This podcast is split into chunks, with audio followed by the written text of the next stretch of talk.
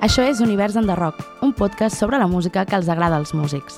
Cada setmana convidarem un artista a l'estudi perquè a través de les seves cançons referencials ens obri les portes al seu particular univers. Us parlem Sergi Núñez, Jordi Novell i Elia Gea. I tres guerres mundials i abans dels darrers desastres naturals. Avui, a Univers en the Rock, parlem amb Julieta. I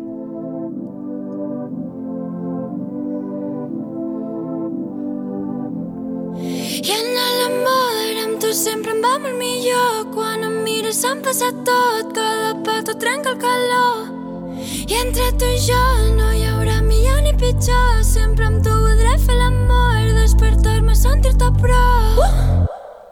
Benvinguda, Julieta. Hola, Com estàs? moltes gràcies per convidar-me. Molt bé, molt bé, molt contenta. Moltes gràcies a tu per venir.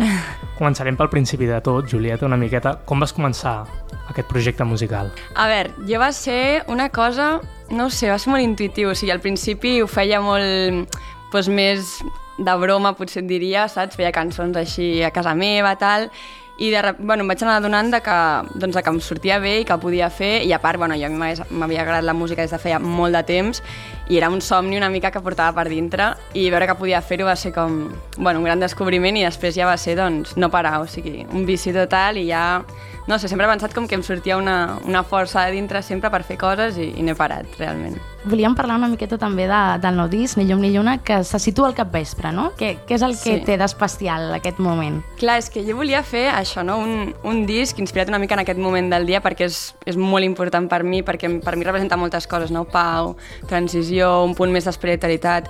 I és quan em sento doncs, com més connectada amb les meves emocions també i volia fer això, un disc que fos això. I a part també és una mica una prèvia del que vindrà, no? També és, estic dient una mica això de transició i cap a on anem també una mica. El disc també parla bastant de- d'amor i de desamor.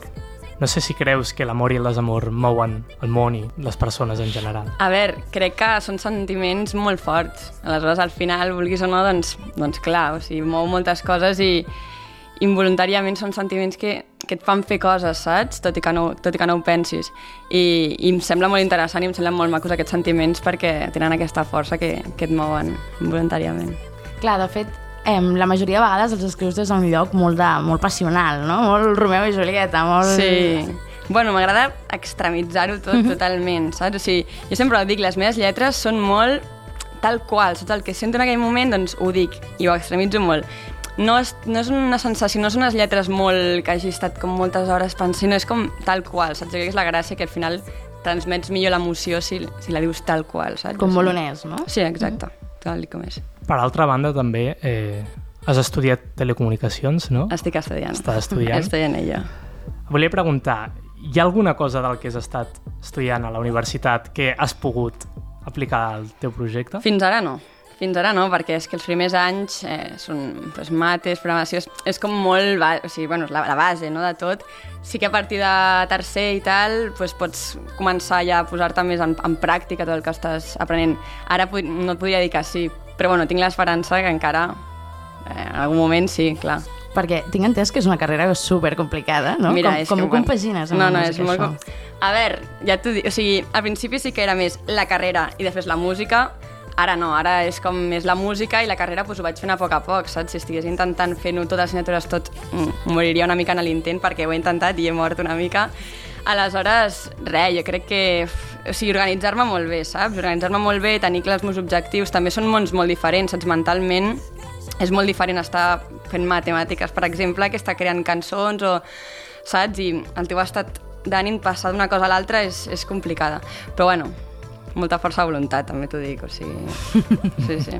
El que sí que integres en el teu projecte és tota aquesta part més visual, més estètica, no? La moda, els videoclips, és algo molt important també, no? Sí, per mi és això. M'agradaria molt que el meu projecte sempre fos molt 360, o sigui, poder expressar-me artísticament en totes les diferents vessants que hi ha, no? I, però bueno, és veritat, per exemple, amb aquest àlbum, una cosa que, que estic reconeixent que m'està passant és que potser em vaig centrar molt, molt, molt en la música i em fa pena haver... Bueno, m'hauria treballat una mica més tota la part visual i tal, però bueno, al final, o sigui, també amb els recursos que tinc, òbviament, ara mm. tampoc estic per poder fer-ho, o sigui, abarcar totes les, totes les vessants artístiques, però el meu objectiu és que en algun moment sí, totes les que pugui. Per conèixer més el teu univers, Julieta, t'hem demanat que ens triessis les teves cinc cançons més referencials. Et sembla si les escoltem? I tant. Sempre tinc dins de la teva nevera. Sempre tinc dins de la teva nevera. No m'importa quan sigui, si plou o si neva. Entrar per cuinar-me i menjar-me, nena. 24 a 7 per fotre la cullera. Nyam! Soc la teva xocolatina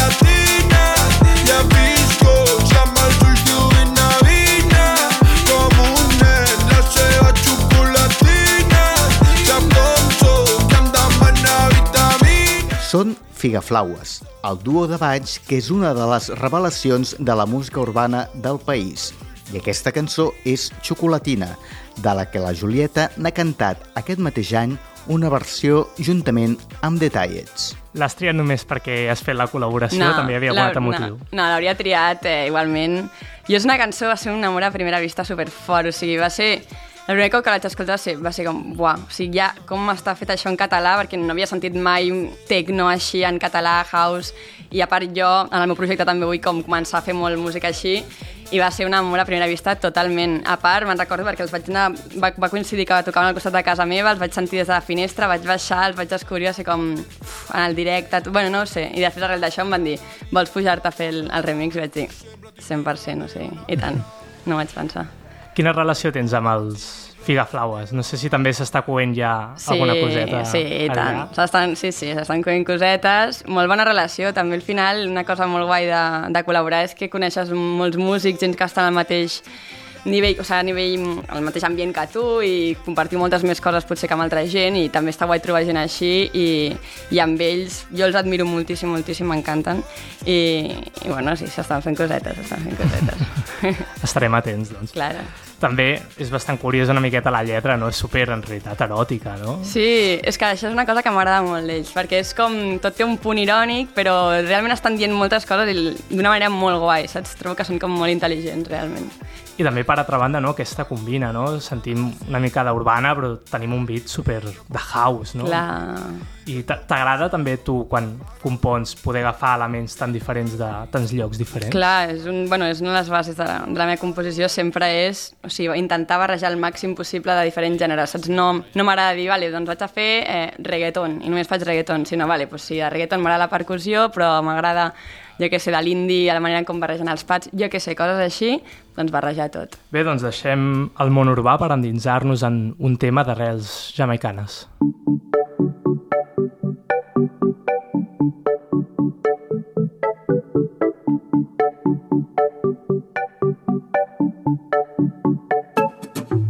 Ressona el plor d'ahir seguint un tros de llum dalt al pou un sostre blau.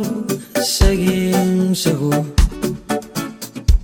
No tinc el cor partit però marxa el cap molt lluny i busco un crit perdut que faci callar el gall. Seguim segur Això és Plora i riu, una de les cançons del disc You Pony que Oques Grasses va publicar l'any 2016, una volta més a l'univers d'arrel jamaicana que envolta la banda usonenca. Eres fan d'Oques Grasses ja abans del boom de Fans del Sol? Joder, molt. Jo anava als concerts de Cas Grasses de sales super petites que hi havia 200 persones o 300 i anava allà, jo em vaig, jo em vaig tornar boja, bueno, jo estava loca, jo saltava les valles, cridava, de fet els vaig conèixer jo ells en aquella època per això, perquè ells em reconeixien als concerts, em deien la, la loca aquesta que ve tots els concerts, sí, una obsessió, no sé, una cosa molt, molt maca he viscut amb aquest grup sempre, o sigui, no, crec que m'ha marcat, ja et dic, eh, o sigui, m'ha marcat inclús com, com a artistes com la Rosalia també que m'ha marcat molt, doncs ell el, el, es posaria al mateix nivell, saps? De, del que han significat per mi en la, en la meva història amb la música. No sé, una relació molt forta amb aquest grup. Mira, no sé. Pràcticament només et va faltar crear el, el grup de fans, no? Ja, oficial. de- Estava en un grup de fans. Estava... Que sí, que jo estava molt boja. No? Explica-ho, això. no sé, feien com... Però aviam, jo a tot, a tot això tenia 15 anys, no? Així. I feien doncs, grups de WhatsApp per la gent per quedar i com que anaven als concerts. No, mai vaig acabar de fer-ho, no? Però clar, jo és que sentia com necessito compartir aquest fanatisme amb algú i sí, tampoc vaig entrar molt, però bueno, sí, sí, és que jo... Va ser molt fort el que vaig viure amb, amb aquest grup. I per què has triat en concret Plora i riu? Perquè, o sigui, no podria triar-te una cançó preferida d'Ocas per mi, però aquesta té un significat especial perquè, bueno, amb les meves amigues, o sigui, era una cançó que la vivíem moltíssim, a més aquella època, no sé, als 15-16 anys és una època en què plores i rius tota l'estona, saps? O sigui, et passen moltes coses i, i ploràvem i reiem juntes, llavors l'escoltàvem sempre quan tornàvem de festa, tot, i ploràvem sempre amb aquesta cançó i, em, no sé, em dona molt bons records i és molt maca aquesta cançó. Molt. Ploraves més que reies escoltant-la? Sí, sí, plorar, però no, perquè plorava i reia també, la les dues coses. Era, era una mescla, no? De Sí, tot. exacte. En general, tota la discografia de les, dels Oques Grasses té aquest esperit, aquesta aura molt positiva no? i molt mm. optimista. T'agrada a tu també transmetre-la amb la teva música, aquesta aura, no la mateixa, eh, però aquest optimisme? Potser no diria com optimisme... O sigui, una cosa que jo vaig aprendre molt d'Oques, que m'agrada molt, era aquest discurs que tenen que és igual el que sentis mentre sentis cosa, saps? O sigui, la importància que té del, del sentir, saps? I la, I la força que té un sentiment, tot i que sigui trist o sigui maco, saps? I una cosa que m'agrada molt amb la meva música és això, per exemple, doncs, la cançó de Trenca'm el cor potser seria una, un, un sentiment trist, no? en plan, trenca'm el cor, però jo el vic amb molta intensitat i m'ha de transmetre com aquesta intensitat al màxim, no? I pues, treure com una mica aquesta part, el sentiment fort. Bé, doncs deixem els Oques Grasses i Osona i creuem. Ils parlent tous comme des animaux, de toutes les chattes, ça parle mal. 2018, je sais pas ce qu'il faut, mais je suis plus qu'un animal. J'ai vu que le rap est à la mode et qu'il mange mieux quand il est sale. Bah, faudrait peut-être casser les codes. Une fille qui l'ouvre, ce serait normal. Balance ton quoi? Même si tu parles mal des filles, je sais qu'au fond t'as compris. Balance ton quoi, un jour peut-être ça changera. Balance ton quoi. Donc laisse-moi te chanter. Balance ton quoi és una de les cançons més populars de la cantant belga Angel. Publicada el 2018, fa referència al moviment social Me Too. Com diu en Jordi, el títol fa referència a l'expressió balance ton quoi que va sorgir a l'època del Me Too, que ve a dir denunciar el teu forc. No, no sé Mm. gaire francès, però... Jo tampoc. en el videoclip, a més a més, fa certa pedagogia també sobre el feminisme, sobre el consentiment. Et sembla important aquesta denúncia que fa Angel? Total, m'encanta com ho fa, de més, perquè ella és una tia... uf, No sé, crec que és molt intel·ligent també i com que també pot utilitzar molt també això com de la ironia i a la vegada com està com explicant coses realment importants i també m'agrada perquè ho va fer des d'un punt de vista d'una cultura una mica més pop, saps? Que a vegades aquest tipus de moviments de, jo què sé, música més feminista tal, no es porta tant al nivell pop i clar, al final això és una cosa molt interessant i molt guai perquè ho veu moltíssima gent, bueno, aquesta cançó no sé quants milions de vistes té Sí, al sí. YouTube i tal, però vull dir, joder, i el videoclip és bastant impactant les coses, els, els, no sé, les coses que utilitzen no, per explicar-ho, els nois que van allà amb, amb tetes, tal. Bueno, és molt, molt, molt interessant. I que no sé si precisament perquè ho fan al pop, no? però el discurs que té és com molt explícit però alhora molt delicat, Clar, bueno, és això que té ella, jo crec, d'expli- d'explicar totes les coses d'una manera molt maca i molt especial, i com canta ella, no? també així amb aquesta veu que té, tot, tot queda preciós. no? I el feminisme és un tema que tu mm, t'agradaria portar també a les teves cançons? M'agradaria, sí que m'agradaria, el que passa que ara, tal com estic composant, o sigui, si parlés de, femen, de feminisme, m'agradaria molt pues, reflexionar-ho bé, preparar el discurs, o sigui, és a dir, tenir clar el que vull dir, i tal com estic composant jo ara, que vaig una mica tal qual, el que em surt és cantar d'amor, però tinc claríssim que en algun moment de la meva carrera, perquè o sigui, la manera de composar evoluciona i et vas fent gran i també vas canviant, i segur que sí, perquè és un tema molt important per mi i, i ho tinc clar que sí. També, a part de- d'això, no? com la música de, de l'Angel, em recorda una mica la teva, no? aquesta Sí. veu dolça, aquest pop amb, amb tints electrònics urbans, no? Sí, sí, és super referent per mi. A nivell d'estètica musical, molt, m'encanta. De fet, jo la vaig descobrir que tenia 16 o 17 anys i també va ser bucleada, o sigui, no vaig poder, no podia parar. I també va ser una tia que em va motivar molt això, com canta ella, crec que tenim una veu molt semblant, mm -hmm. i va ser com, hòstia, pots fer coses molt maques també amb aquest tipus de veu, no? I vaig com anar tirant una mica cap allà, i sí que la tinc, bueno, això com un gran referent, realment. Una de les coses que també esmenta ella a la lletra, hi ha un moment en què està a la porta més de la seva experiència personal i parla de que s'ha trobat moltes vegades de que, de que la gent dona per suposat que és el seu pare o el seu germà qui l'ajuden, no?, amb, amb el seu projecte Ah. musical. Ja, és que ella això li va passar, no? perquè crec que el seu pare també era formar part de la indústria. Sí que és veritat, i això a mi em fa molta ràbia perquè sempre busquen l'home darrere de l'èxit d'una dona i a mi m'ha passat molt, no? Eh, vale, vale, però qui és el meu productor? Jo, jo produeixo també, saps? No he de tenir un, un tio com si el meu productor que m'està no sé què. Eh, I així mil coses, i en general la indústria ara mateix està bastant... Bueno, molts homes, a tot arreu, sí, molts homes a tot arreu. Però bueno, mira, això anar-ho canviant, saps? Jo intento, tant com puc, no també el meu equip, intentar pues, ja posar més noies, també els festivals, que els cartells, tot. Però sí que sempre això passa molt, eh, de que sempre busquen l'home darrere l'èxit d'una dona. eh?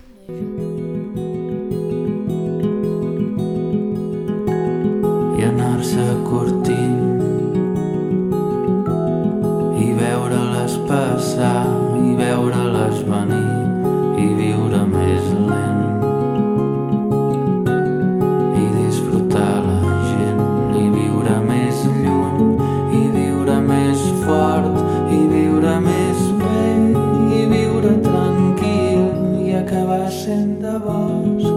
Escoltem a Pau Baivé i la seva cançó De Bosc 2 per parlar amb tu d'un dels temes sobre els quals vas colar la teva obra, que és la natura. És, és habitual que a les teves lletres i en els teus videoclips i fotos hi apareguin molts, molts elements naturals, el bosc, mm. que és el que t'inspira. Sempre ho he trobat com una cosa molt, no sé, com molt màgica, molt mística, i per expressar altres coses que, que, que són com més terrenals, m'agrada molt, no? I també com a mi doncs, m'agradava abans veure com una mica com una figura de... És que no sé com explicar això, eh? O sigui, com una figura de la naturalesa, per exemple, les nimfes, vale? per posar un exemple. Són com dones que tenen molta força, que m'inspiren molt, i jo és, era com un element que utilitzava com mentalment per, per desenvolupar cançons, parlar sobre temes, què sé, la llibertat o coses així, doncs sempre ho he tingut molt allà. I és això, és com un element que, que per mi té tanta força que em serveix molt bé per expressar algunes coses. No sé si m'explico, és Sí, complicat, sí. però bueno, és la idea una mica. Tot i que les nimfes transcendeix, no? També lo, lo natural ja és, és la mística, Clar, no? exacte, és una mica una barreja. Però sí, sí, a nivell visual també, òbviament, m'encanta, o sigui, súper. I mm, alhora també fa la sensació no, que jugues molt amb el contrast de- d'afegir-hi elements urbans a tota aquesta Sí. part més natural. Total, jo crec que és que perquè estic com superdividida, o sigui, sóc com les dues parts. Òbviament, clar, jo visc aquí a Barcelona i, i la meva vida és pues, la ciutat i m'encanta, mi la vida de la ciutat m'inspira moltíssim, el que passa a la ciutat, el que passa per les nits, durant el dia, tot. O sigui, al final el que escric és el que he viscut durant els dies aquí. Però també de tant en tant marxo molt i també marxo molt mentalment, o sigui, a casa meva doncs, potser en el meu estudi visualment estic en un altre lloc, saps? Estic a, jo què sé, en un llac o alguna cosa així i suposo que al final pues, és el resultat de- d'aquestes dues coses que es creuen una mica. I parlant de casar elements urbans amb d'altres de més orgànics, escoltem el pròxim tema que ens has portat. Què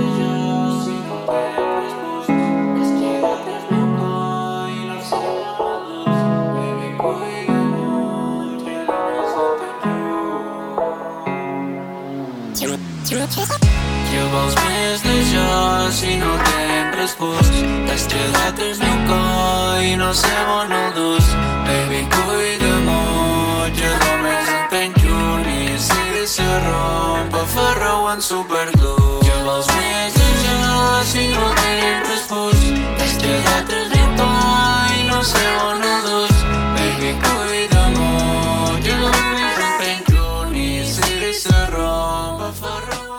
Escoltem Superglue, amb moltes us, una de les cançons que el raper manacorí Jaume Fortefa, conegut com a Planet, va incloure al seu darrer Llarga Durada, publicat aquest mateix any. En aquest tema s'acompanya de la falanitxera Maria Hain. Tinc curiositat per saber per què has escollit aquest tema. Eh, perquè m'encanta, o sigui, sóc super fan de la Maria i del, Jaume, del Planet, del Jaume, i realment, no sé, m'agrada molt perquè és algo diferent, també un altre cop, saps? Barreja no sé, per exemple, la Maria és una artista que fins ara ha fet música molt doncs, més indie, més folk, no, i tal, però ella també té una part molt així, saps? I mola que flipes quan es posa a cantar doncs, música així, o sigui, crec que té un talent increïble. De fet, també se vienen cosites amb la Maria, òbviament, i, bueno, amb el Planet igual. I res, una cançó que em va cridar molt l'atenció, que m'encanta, o sigui, el, el, el rotllo, no? També té una part de techno una mica... No sé, els admiro molt, m'encanten. Bueno, és això, jo crec que ara hi ha un, una cosa molt guai, que és els, els joves que estem fent música ara, ens estem relacionant molt entre nosaltres i, i ens ajudem molt entre nosaltres i s'està creant com un, un bon entourage, no? com un grup de gent guai. A més, en concret, des de les Illes Balears, en els últims anys han anat sortint gent... És que són uns cracs, tio, els de les illes. Jo no ho entenc, a Mallorca no sé què els hi donen, bueno, en general, eh? però a Mallorca especialment no sé què els hi donen, que tots són una passada, m'encanta. També és curiós no, que en aquest tema, això que comentaves, no? la Maria canvia, deixa aquest indie, aquesta cançó d'autor mm. que, que ha fet fins ara i s'endinsa molt en, en aquest estil urbà. Creus que tu estàs més propera a la urbana del, del Jaume, del, plan, del Planet, o del que fa la Maria? Estic entremig. És que no ho sé, perquè és això, agafo una mica recursos de les dues bandes i hi ha temes que potser et diria molt més Maria i hi ha altres temes que et dic molt més Planet, saps? No sabria dir-t'ho. Entremig. Doncs deixem les Illes Balears per entrar en un món molt familiar i casolà. El sentim, Jordi? Me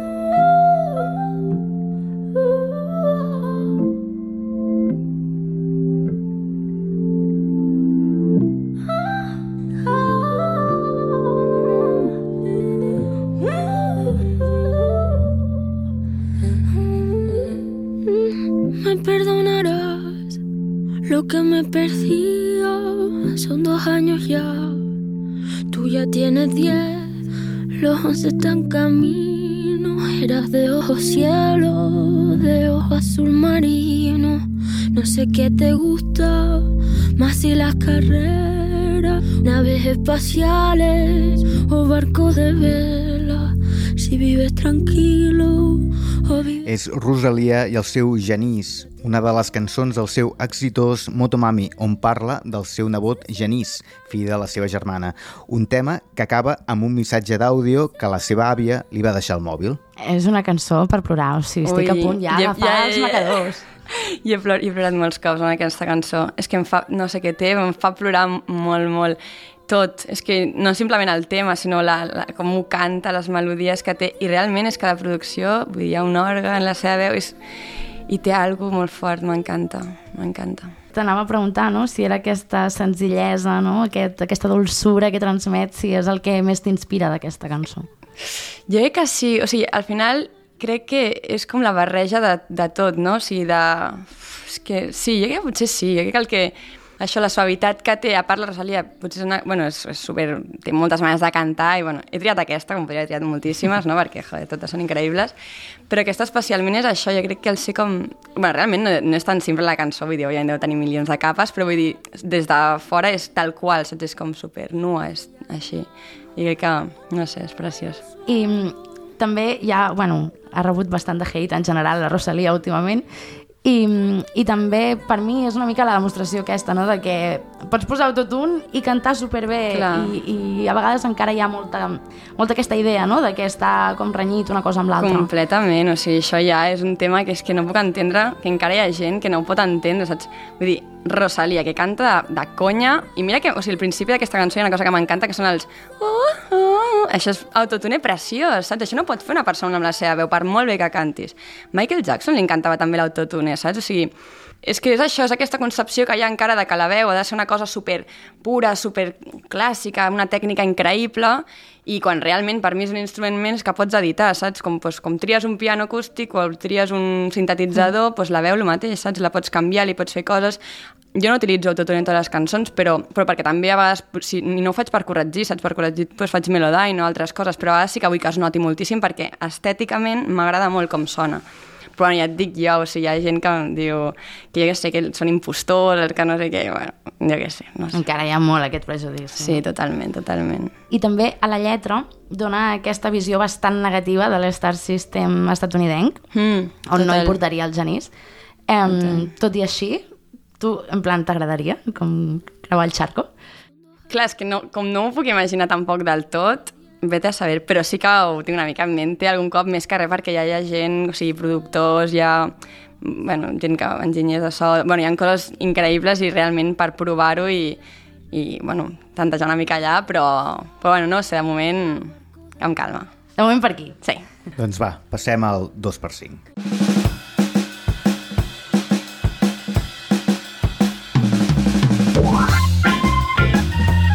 Com veus, Julieta, hem preparat un, un vol amb 90 boles, de l'1 Sí. al 90, i et demanarem que n'agafis dues i, i cadascuna d'elles correspon a un artista. Després et donarem, cinc, et plantejarem cinc situacions i hauràs d'escollir quin dels dos artistes preferiries en, en cadascuna d'elles. Perfecte. Vinga, escollim. A veure. Vale, és 86 i 38. Aviam, Sergi. Rigoberta Bandini, Ok. Judith Nederman. Vale, Doncs comencem. vinga. Qui creus que encaixaria més en un drama de Shakespeare? En un drama de Shakespeare. Hòstia. La Judith Nederman. A qui li queda millor cantar amb autotune? Hòstia, a la Rigo, jo crec. Sí. Amb quina de les dues t'agradaria més compartir escenari? Amb la Rigoberta Bandini. Qui de les dues creus que faria una millor versió de Tu juro jo? Hòstia. La Rigoberta Bandini. I amb qui te n'aniries de festa? Joder, és que només triguen la Rigoberta Bandini, doncs la Rigoberta Bandini no, perquè m'agrada i em cau molt bé la tia. O sigui, no la conec, però vull dir, la Nerman la coneixo tant, però...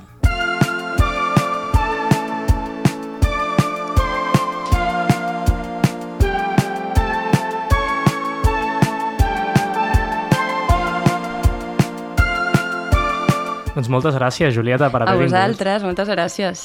I fins aquí l'univers enderroc de la Julieta. Ens podeu trobar cada setmana descobrint l'univers d'un nou músic a Spotify, Evox, Google i Apple. Busca'ns, escolta'ns i subscriu-te per no perdre't en cap. A reveure! I abans dels darrers desastres naturals